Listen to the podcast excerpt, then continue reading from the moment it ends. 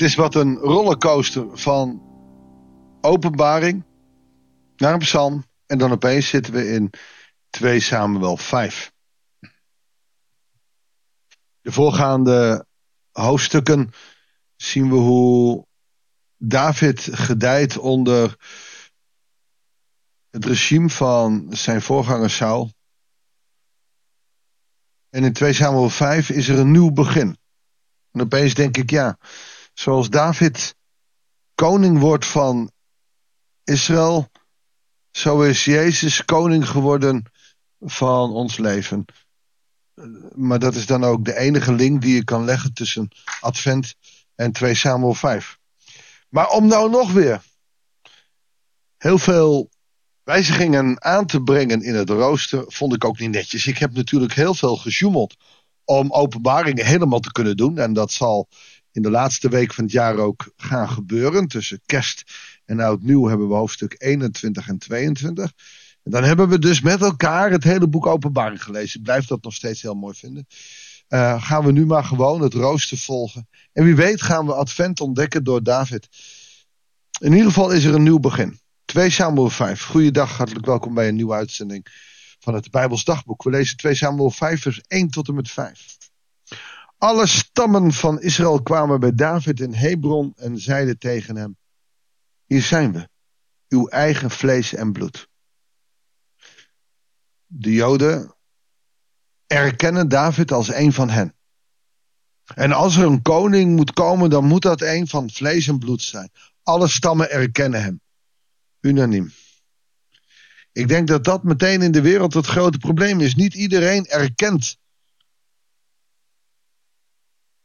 Jezus als Messias.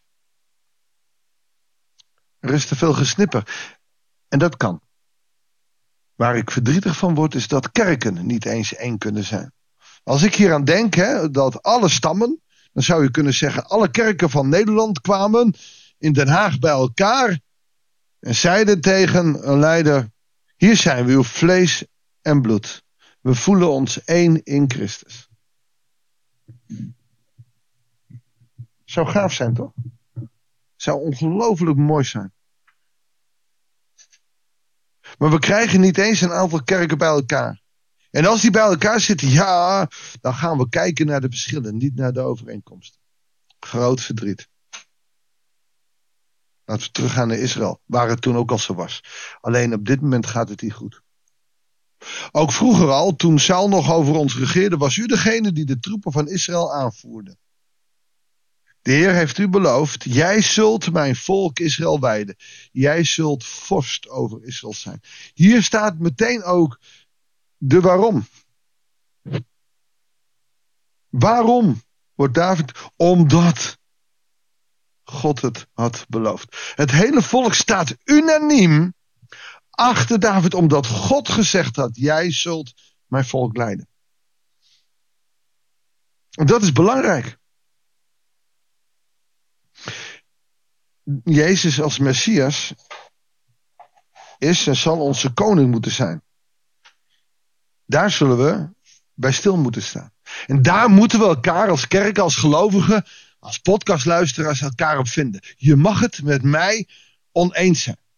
Ook als ik openbaring uitleg, geen probleem. Maar waarom zou je luisteren als we niet eens zijn in Christus? Daarom is Advent ook zo mooi. En daarom is deze tekst nu opeens ook zo mooi. Als wij met z'n allen, hè, ongeveer 1200 luisteraars, je bent uh, uh, deel tijdens deze podcast, deel van een gemeenschap van 1200 mensen. We kennen elkaar niet, geen persoonlijke relatie. Maar wel heel veel mensen die luisteren over de hele wereld. Waarom erkennen we gewoon niet dat kind Jezus zijn dan één? Ook al ben je het niet altijd met me eens. Mooi hè? Ik heb ook best afgelopen jaar wel eens een mailtje gehad. Nou, ik ben het daar niet mee eens. En dat kan. Je mag het niet eens zijn. Maar is dat dan meteen iets waardoor je alles moet afzeggen en niks meer gaat luisteren? Of zeg je van hé, hey, juist dat het mag is mooi. Het geeft me ruimte. Veel meer hoop ik dat je mag ontdekken dat je zelf aan het denken wordt gezet. Ik hoop dat jij, naar aanleiding van deze podcast, niet zegt: Ik moet hierbij horen, want we denken allemaal hetzelfde. Nee, maar dat je zelf gaat nadenken: hoe denk ik? Daarom hoef je ook eigenlijk nooit te reageren. Mag hoor, maar hoef je niet te reageren. Maar is het zo heerlijk dat je één mag zijn in Christus? En toch verschillend zijn. En dat is met die stammen van Israël ook. We zien dat natuurlijk later als zijn zoon van David koning wordt. Dan zie je het in, in twee grote groepen uit elkaar gaan. We hebben dat in twee koningen gezien. We zullen dat ongetwijfeld ook nog verder gaan lezen als we in Samuel verder gaan. De oudsten van Israël kwamen bij de koning in Hebron. Daar sloot koning David ten openstaan van de Heer het verdrag met hem. En zij zalfde hem tot koning van Israël. We mogen elkaar. We mogen elkaar in de gezalfde ook herkennen. En hoe mooi is het dat in adventtijd we lezen van David die koning wordt. Want hij is de over, over, over, over, overgrootvader van ons Heer Jezus Christus. Saul kregen ze omdat ze zo nodig een koning wilden. David kregen ze omdat God eerst met Israël aan de gang ging. Daarna heeft hij het geslacht van David uitgekozen om daarvan uit zijn zoon Jezus in de wereld te zetten. David was 30 jaar toen hij koning werd en hij regeerde 40 jaar. 70 jaar was hij vanuit Hebron, regeerde hij 7 jaar. En 6 maanden over Juda. Vanuit Jeruzalem regeerde hij 33 jaar over heel Israël en Juda. Je ziet er dus al verschillen tussen Juda en Israël. Maar hij regeert over het hele land. Want zo wil God dat. God wil helemaal geen verdeeldheid. En ik vind het helemaal niet erg hoor dat er verschillende kerken zijn. En we, we zingen anders, we beleven anders. Dat mag allemaal. Maar die eenheid in Christus is zo belangrijk. En ik roep ook voor het komend jaar uit. En dan niet, ik, ik ga kerken niet bekeren, maar ik, ik wil jullie vragen. Heb respect voor mensen die anders geloven. Als het maar door Christus samenkomt. Als jij evangelisch bent, hoef je de traditioneel gelovigen helemaal niet onderuit halen. Ze geloven in God.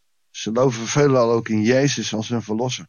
En ze hebben misschien wat moeite met de Heilige Geest en met genade. Zo wat? We zijn één in God. We zijn één in God die door Jezus Christus naar de aarde is toegekomen. En het begint niet bij de kerk, het begint bij jou en mij. Laten we die eenheid in Christus bewaren. Laten we vanuit dit verhaal, daar waar David wordt geïnstalleerd als koning, maar tevens over, over, over, overgrootvader is van Jezus.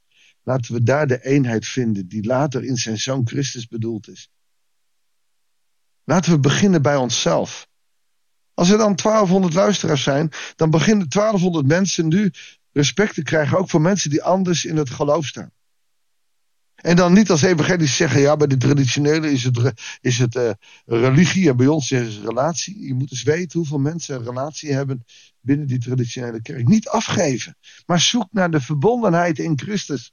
Dat is wat Advent is. Dat is die verbondenheid in Christus. Maar wij kerken maken er verdeeldheid van. Ik roep jullie op om bij ons als, als podcastluisteraars, als gemeenschap van het Bijbels dagboek, daar te beginnen de overeenkomsten te zien, niet de verschillen te zien. Naar mogelijkheden te zoeken, niet naar onmogelijkheden. Ik heb al in heel veel kerken mogen zien hoe, hoe dingen gingen veranderen. En dat ging nooit van bovenaf, dat ging nooit vanuit kerkraden of nooit vanuit uh, synodes. Dat gaat altijd van onderaf.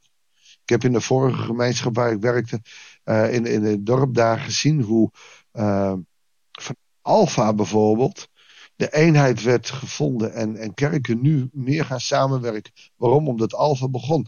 Soms hielden kerkraden nog heel lang de latijnen van de muren overeind. Maar ondertussen gingen de gemeenteleden onder een ding en onderdoor om samen iets te zoeken. En ik hoef niet vrijgemaakt te worden. Ik hoef niet te preken in de hervormde kerk. Het gaat er mij niet om dat ik daar geaccepteerd word als. Maar het gaat erom dat we elkaar kunnen vinden in Jezus' naam. Als christenen. Verbonden in Christus. Verbonden door het kind van Bethlehem. Laten we samen gaan bidden. Heer God, die verbondenheid die we zien daar, waar David koning van Israël wordt. Heere God, die, die, die verbondenheid hoeft niet bij kerkraden of dominees vandaan te komen. Die verbondenheid mag al zijn. Alleen al door het luisteren naar deze podcast. Er zijn mensen van verschillend kaliber, van verschillende uh, intelligenties, van verschillende kerken, van verschillende landen, Heere God. En toch zijn we één in u. Dank u wel daarvoor.